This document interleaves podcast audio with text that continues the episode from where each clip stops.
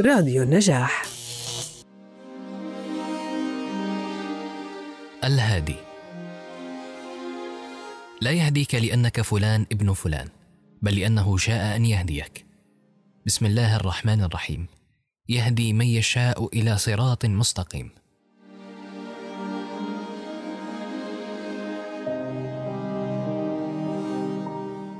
الهادي. هل أكلتك الحيرة؟ هل تشعر أن عقلك أعجز من أن يحدد لك الصواب من الخطأ؟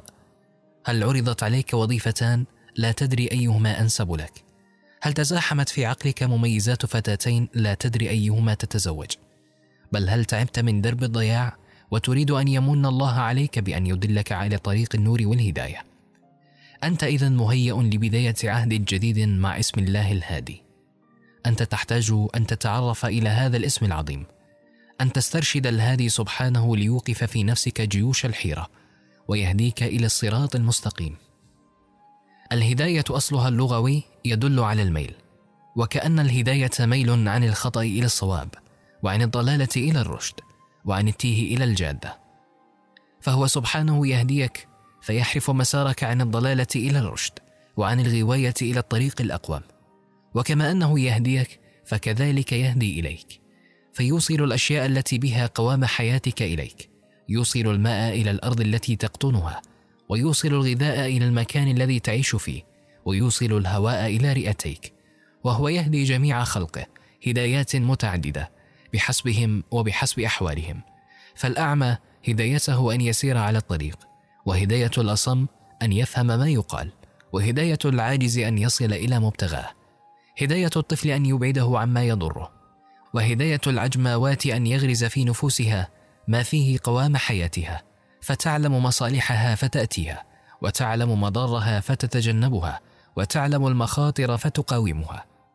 يهدي التائهين في الصحاري ويهدي القارئ إلى موضع المعلومة ويهدي المكتشف إلى الاختراع ويهدي المجتهد إلى دليل المسألة ويهدي الداعية إلى الأسلوب الأسلم ويهدي الأب إلى الطريقة المثلى في نصح ابنه. ليست صدفة. يهديك بما تظنه صدفة. يهديك بآية تسمعها في صلاة ويهديك برؤية تراها. ويهديك بنصيحة عابرة. ويهديك بكلمة تقع عينيك عليها في كتاب. ويهديك بتأمل. ويهديك بومضة غير مسبوقة بتفكير. ويهديك بظروف تدفعك إلى الصواب. ويهديك بالخوف ويهديك بالحب. ويهديك بالموت. أما سماع القرآن فأصل الهدايات. ومن أعظم ما جعله الله سببا لهداية عباده فقد ضمن فيه كل أسباب الهداية والرشد. قال تعالى بسم الله الرحمن الرحيم. إن هذا القرآن يهدي للتي هي أقوم. فيستحيل على عالم عامل بما في القرآن أن يصاب بزيغ أو انحراف أو نكوس. وقصة إسلام عمر بن الخطاب معروفة. فقد دخل على أخته والشر يتطاير من عينيه. فلما قرأ في صحيفة معها أول سورة طه. سجد قلبه في محراب الإيمان ولم يرفع حتى مات رضي الله عنه. ترى ما هو الشعور الذي شعر به؟ وما هو اليقين الذي نزل في قلبه في تلك الساعة؟ وكم في القرآن من هدايات غضضنا عنها؟ طرف التدبر. وكم فيه من إرشادات انقفلت عنها قلوبنا؟ لا ولا. ومن أشكال الهداية أن ترى رؤيا فيها شفاؤك أو تحذير لك أو إرشاد. يقال إن أحدهم كان مريضا فرأى في منامه أن علاجا في لا ولا فذهب إلى شيخ يسأله فقال لا أدري ولكني أختم القرآن كل يومين فأمهلني لعلي أجد شيئا في القرآن اعبر به رؤياك. وبعد يومين جاءه وقال له شفاؤك في زيت الزيتون. قال تعالى في سورة النور بسم الله الرحمن الرحيم. يوقد من شجرة مباركة زيتونة لا شرقية ولا غربية يكاد زيتها يضيء. فهذه هداية برؤية ومن أنواع الهداية التي تشبه الهداية بالرؤى لما فيها من معنى الاستنباط والاستدلال بالشبيه على الشبيه. الاستشفاء بعمل طاعات لها صفة قريبة من حال المرض. جاء رجل إلى أحد العلماء يشتكي الاستسقاء وهو مرض تتجمع بسببه السوائل في جسم الإنسان وقد يودي بحياته فأوصاه أن يحفر بئرا ويوقفها. فحفر البئر فبرأ بإذن الله. رأى هذا العالم تشابها بين انحباس السوائل في الجسد وانحباس الماء في الأرض فظن أن هذه الطاعة حفر بئر مشابه لحال المرض وأن الشفاء قد يكون فيها. أحد الزملاء يخبرني أنه دهس ابنة أخيه ذات العامين بسيارته وهو ذاهب إلى الصلاة دون أن يدري. فهرع بها والدها إلى المستشفى والموت يلوح بين عينيها. والأطباء يخبرونه بأن نسبة موتها ثمانون في المئة. فاتصل ابن عم لهم بزميل مستخبرا وناصحا وأوصاه بسرعة ذبح شاة والتصدق بلحمها بنية الشفاء. ففعل ما أوصاه به ابن عمه. فلم يأتي الفجر إلا وقد أخرجت تلك الطفلة من العناية الفائقة. هدى الله سبحانه ابن العم إلى تناسب ما بين اللحم والمتصدق به ولحم الطفلة المتهتك. فكان الشفاء من الله أصدق من توقعات الأطباء. أما الهداية بنصيحة عابرة. فيقال أن مغنيا كان حسن الصوت. مر به أحد الصالحين فقال له ما أجمل صوتك؟ يا ليته تغنى بالقرآن فتاب ذلك الرجل من حينه. والهداية بالنصيحة أوسع وأوضح من أن نمثل لها. وقد يهديك بالتأمل. ومن أوضح شوائد هذه الهداية قصة سيدنا إبراهيم عليه السلام والذي عندما جن عليه الليل رأى كوكبا والقصة معروفة فهنا تأملات في آيات الكون سببت هداية ويقينا له عليه الصلاة والسلام. قبس من نور. يبصر من عليائه التائهين. يرى هضاب الضياع. وقد التفت من حول أرواحهم. فيشعل لهم في الليل قبسا من نور. فيرون به الطريق. ويصلون إلى الجادة. لا يهديك لأنك فلان ابن فلان. بل لأنه شاء أن يهديك.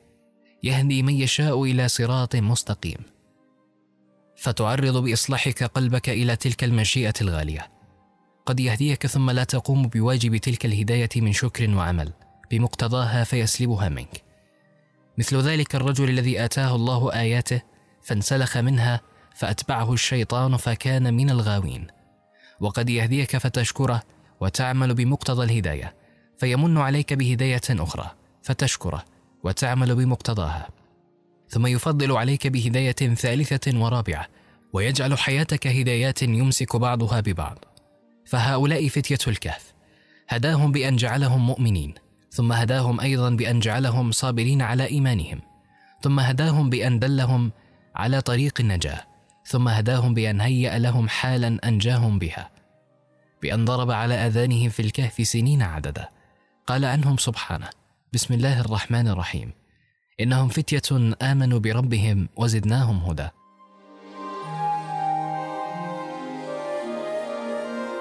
بوصلة ضائعة. في وسط الصحراء المظلمة. لا تعلم أين تتوجه. وعدم معرفتك هذه تعني الموت المحتم لأنك بلا زاد ولا راحلة وفجأة تجد شعورا ملحا يأمرك أن تتجه إلى اتجاه معين. ليس لديك معرفة بالنجوم. وبوصلتك ضايعة ورفاقك سبقوك. فتتجه إلى ذلك الاتجاه. وبعد تلاعب كثبان الصحراء بك وإذا بعينك تلمحان بصيص نور. إنهم رفاقك هناك. في آخر نقطة من الحياة ينتظرونك بلافة الآن حدثني عن ذلك الشعور. ما هي المعادلة التي جعلته يبزغ في تلك اللحظة؟ ولماذا جاء؟ وكيف كان دقيقا إلى هذه الدرجة؟ لقد كان الله في تلك اللحظة يبصر اضطراب الرعب في قلبك. لقد كان يسمع وجيف فؤادك. لقد علم تمثل الموت عطشا في نفسك. فأذن لوميض داخلي أن يشتعل لتحس بالطريق وتصل بسلام. لا تتعلق بحرفية التجربة فقد لا تكون عشتها. ولكنك ولا شك عشت أنت أو من تعرفه أجواء قريبة من تلك الأجواء. والسؤال الأهم من جميع التفاصيل من الذي قذف الهداية في روح قلقة محتاجة إلى بصيص إنه الهادي سبحانه. وإذا العناية لاحظتك عيونها نم فالحوادث كلهن أمان في وسط تلاعب الموج بسفينتك يأمر الريح فتكون شمالية في تلك الساعة لأن جزيرة النجاة في الجنوب منك. ستتمزق أشرعة سفينتك لولا تلك الرياح التي قدرها الهادي سبحانه. يخرج ابن تيمية من بين البيوت وقد ازدحمت الأقوال في رأسه حول تفسير آية. يقرأ عنها عشرات التفاسير. فلا تخلصه تلك التفاسير من ضوضاء الحيرة. يمرغ وجهه بالتراب ويبكي ويقول يا معلم داود علمني. ويا مفهم سليمان فهمني.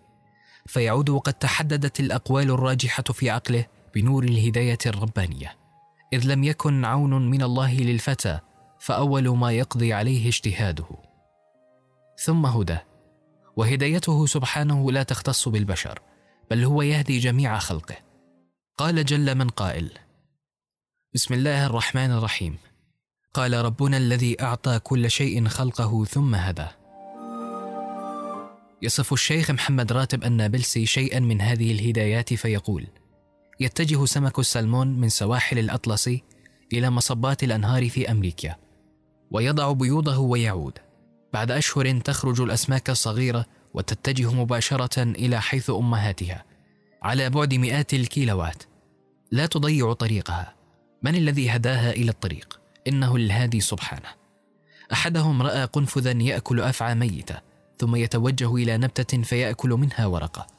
ثم يعود للأفعى فيقضم ثم للنبتة فيأكل. أراد ذلك الشخص أن يعلم سر تلك النبتة فاقتلعها.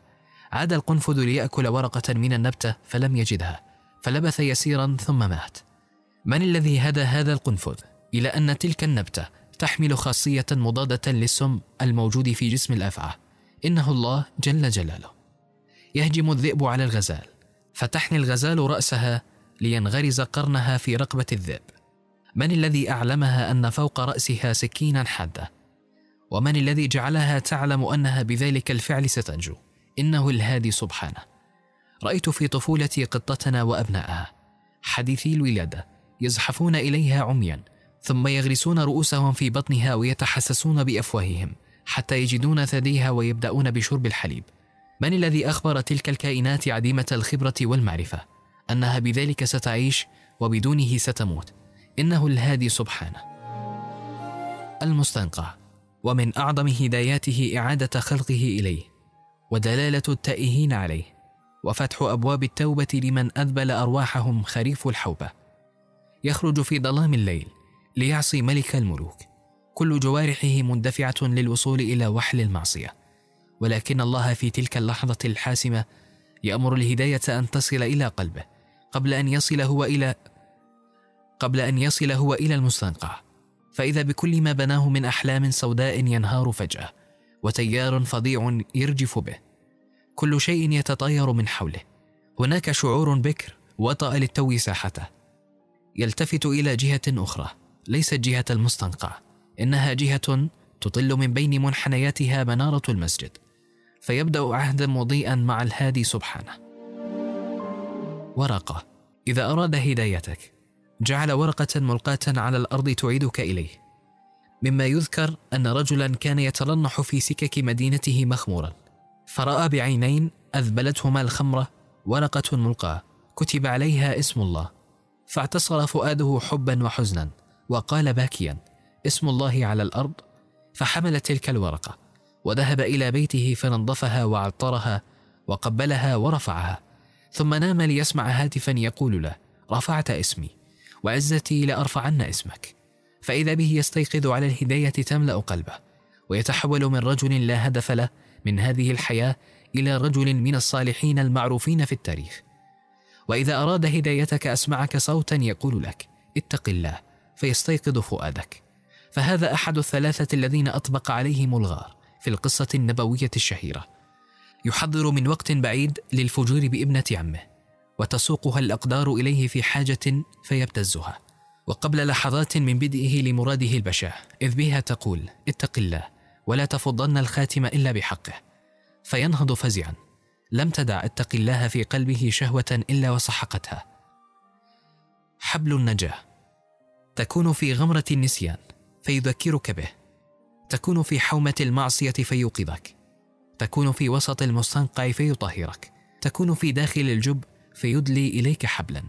يهديك بحب يغمر فؤادك أو بخوف يزعزع استقرارك أو بمرض يذل كبرياءك أو بفقر ينقذ ظهرك أو بخواء يعذب روحك. يعيدك إليه إلى طريق الأنوار. يجعلك من رواد المسجد. بعد أن كنت تنظر إليه من بعيد ولا تنالك هداياته من قريب. يعلم يديك كيف تمسكان بالمصحف بعد سنين طويلة من الهجر والصدود. يرطب لسانك بذكره بعد أن كنت تترنم بأغان تافهة. تخرج من بيتك قاصدا مسجدا وفجأة تغير الطريق إلى مسجد آخر. بعد الصلاة تسمع كلمة يلقيها أحد الدعاة تغير شيئا كان مستقرا في قرارة نفسك. يغير طريقتك أو حتى طريقك. والعبد صاحب الروح المرهفة يستنبط هدايات الله سبحانه ويعلم أن الكون مربوب له سبحانه وأن الله سبحانه قد يهديه بأي شيء في كونه وقد يضله والعياذ بالله بأي شيء في كونه.